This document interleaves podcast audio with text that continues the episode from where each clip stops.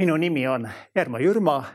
olen olnud viiskümmend viis aastat usuteel, oma elus õpetanud Vana-testamendi ainet seminaris ja praegu Mooste koguduse pastor. kuuekümnenda sünnipäevani oli mu tervis väga hea, kuid veebruaris kümme aastat tagasi märgati mu seljal veidi laienenud sünnimärki ja soovitati näidata seda perearstile. tema saatis mind esmaspäeval onkoloogi juurde kes kinnitas, et tegu on pahaloomulise kasvaja melanoomiga, mis on Eestis liiga palju eluküünlaid kustutanud. juba reedel saadeti mind onkoloogi juurde, kontrolliti haiguse levikut. laupäeval palusin kahte kaaspastorit, et nad minu eest võitmisega palvetaks, nagu piibel õpetab. pühapäeval oli meie koguduse koosolek, teatasin kogudusele oma tervisliku olukorra ja soovisin eespalvet operatsiooni ootenädalad on mul tänaseni eredalt meeles. tegin oma elu suurema inventuuri, korrastasin kõik kodu ja mind ennast puudutanud dokumendid, puhastasin arvuti kõvaketta, revideerisin raamaturiiulid ja kogu kirjavahetuse. sadu lehekülgi läks vana paberisse. märtsis oli esimene operatsioon ja kuu aja pärast teine. Need läksid edukalt. kui ma ärkasin narkoosist, oli tänumeel elu läks edasi. sain toimetatud kord kuus ilmuva meie liidu ajakirja Teegeja, jätkus õpetamine seminaris, pastoritöö moostes. alati oli kõrval mõistev abikaasa, kogudus. meie trepikoja vastaskorteris elas suur pere, kelle isa oli jalgpallitreener.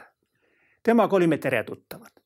kohtusime üllatuslikult arsti juures, tal oli sama diagnoos kuid tema keeldus operatsioonist.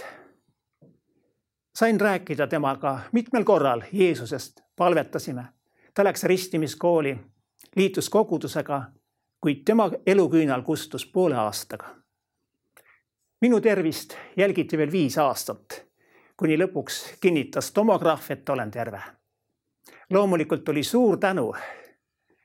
mind vajati veel kodus ja töö juures enamasti me elame hoiakuga, et surevad kõik teised. ja teatud mõttes see on nii.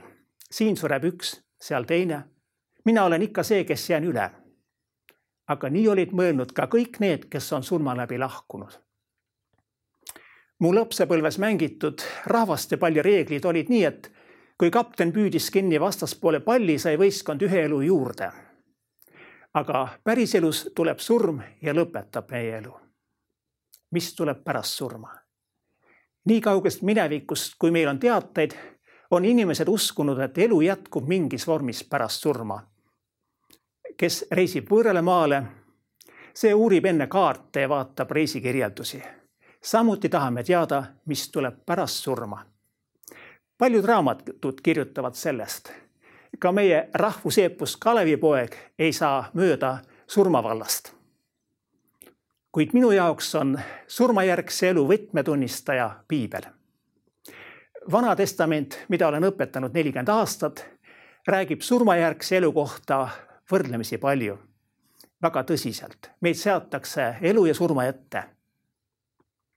vana Iisrael teadis, kuidas Eenok võeti taevasse, kuidas Mooses läks tuliste vankritega taevasse. see oli neile pilt, mis äratas igatsust, ka nemad jõuavad sinna kui me loeme piiblist üheksakümnendat laulu, Moosese palvet, see seab meid elu ja surma ette. seal on öeldud, kui ma astuksin taevasse, siis oled sina seal. kui ma teeksin enne selle surmavalda aseme, sina oled seal.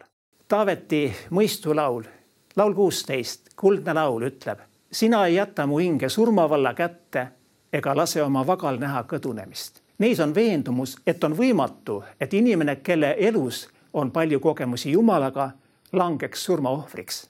laulja ei mõtle ainult surematusele, vaid õndsusele, kui ta ükskord elu lõpul saab olla Jumalaga. ta kirjutab, sina annad mulle teada elu teerada, rõõmu on rohkesti su palge ees, meeldivaid asju su paremas käes alatiseks. Vana-testamendi prohvetluses säravad kolm suurt ülestõusmise ettekuulutust ja saaja kirjutab aga sinu surnud ärkavad ellu, sinu laibad tõusevad üles. Hesekelil on nägemus, kuidas surnuluud ärkavad püha vaimu kuulutuse peale üles saavad elavaks.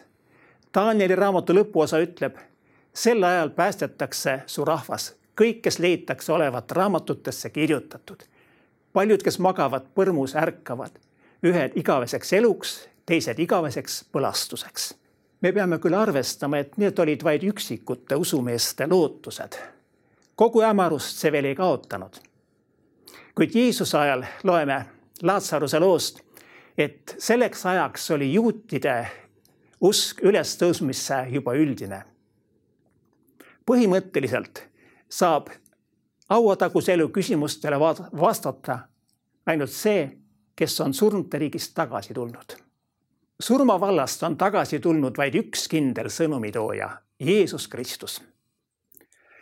Jeesus ei ole küll surmajärgse elu kohta andnud üksikasjalikke loenguid kuid ta on meile väga olulised tõed edastanud. tervikliku õpetuse edastamiseks polnud jüngrid veel valmis.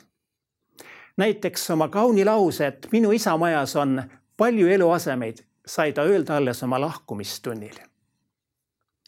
nii piirdus Jeesus sellega, et ta külvas surmajärgse elu kohta ainult seemneid. aga juba need seemneterad on hinnalised. loetlegem neid kui inimene siit ilmast lahkub, on tal ees üks vahepealne olukord. ilmselt tuleb nõustuda, et see on võrreldes meie nähtava maailmaga täiesti teine. seal on teised ettekujutused ajast ja ruumist ja meil puudub korralik taustsüsteem seda mõista. Piibel kasutab selleks värvikaid pilte. Need selgitavad, et lahkunutel on kaks ooteruumi, üks hingamis ja teine piinapaik õndsalt lahkunuid kujutab pilt, et nad on Abrahami süles, paradiisis. see on nagu ootetuba igaviku uksel, enne kui luuakse uus taevas ja uus maa. Jeesuselt küsiti, kas on pisut neid, kes pääsevad. tema vastas, et võidelge, et te suudaksite sisse minna kitsast väravaks. Olge ustavad minu järelkäijad. kas seal on veel meeleparanduse võimalusi? siin on piibli selge sõnum. inimesel on seatud ükskord surra pärast seda on aga kohus. Apostlikus usutunnistuses me ütleme Jeesusest, et ta on alla läinud surmavalda. küllap kohtusid siis Jeesusega ka need, kes olid enne teda elanud. ja Abraham rõõmustas sellest tunnist, et ta sai näha issanda päeva. oli see ilmselt ka siis. Kas meil on surnute riigiga ühendusteid? kas nad võivad meile tulla ja ilmuda? seda piibel ei rõhuta, aga otse ka ei eita. tähendamissõnas palus rikas mees, et Abraham läkitaks kellegi siit surnute riigist ta viit venda hoiatama. aga me näeme, et selline külastus oleks võimalik vaid kõrgemal loal, aga sellest poleks kasu.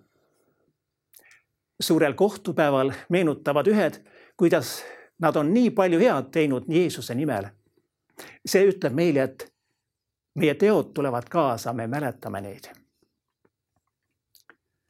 me saame ka teada, et issandas surnud hingavad oma tegudest ja on ometi aktiivsed.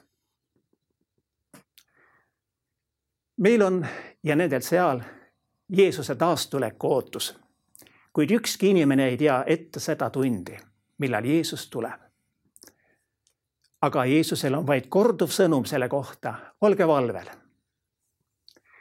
piibel ei ütle siin kõike, aga ta ütleb palju. järgneb maailma kohus, viimne kohus.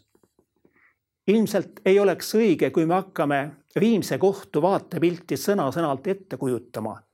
kuid veel suurem viga oleks, kui me neist piltidest lahutaks. Kuid on ilmne, et kõik peavad saama ilmsiks Kristuse kohtujärje ees nii õiged kui ülekohtused. see kohus hindab, kuidas oleme meile usaldatud andeid ja võimalusi kasutanud. laual on nii meie teod kui meie motiivid. avatud raamatute ees langetatakse otsus, millega kõik nõustuvad. seda uskuda ei peaks täna olema raske, kui salvestatakse meie telefonikõned ja tänavanurkadel on kaamerad.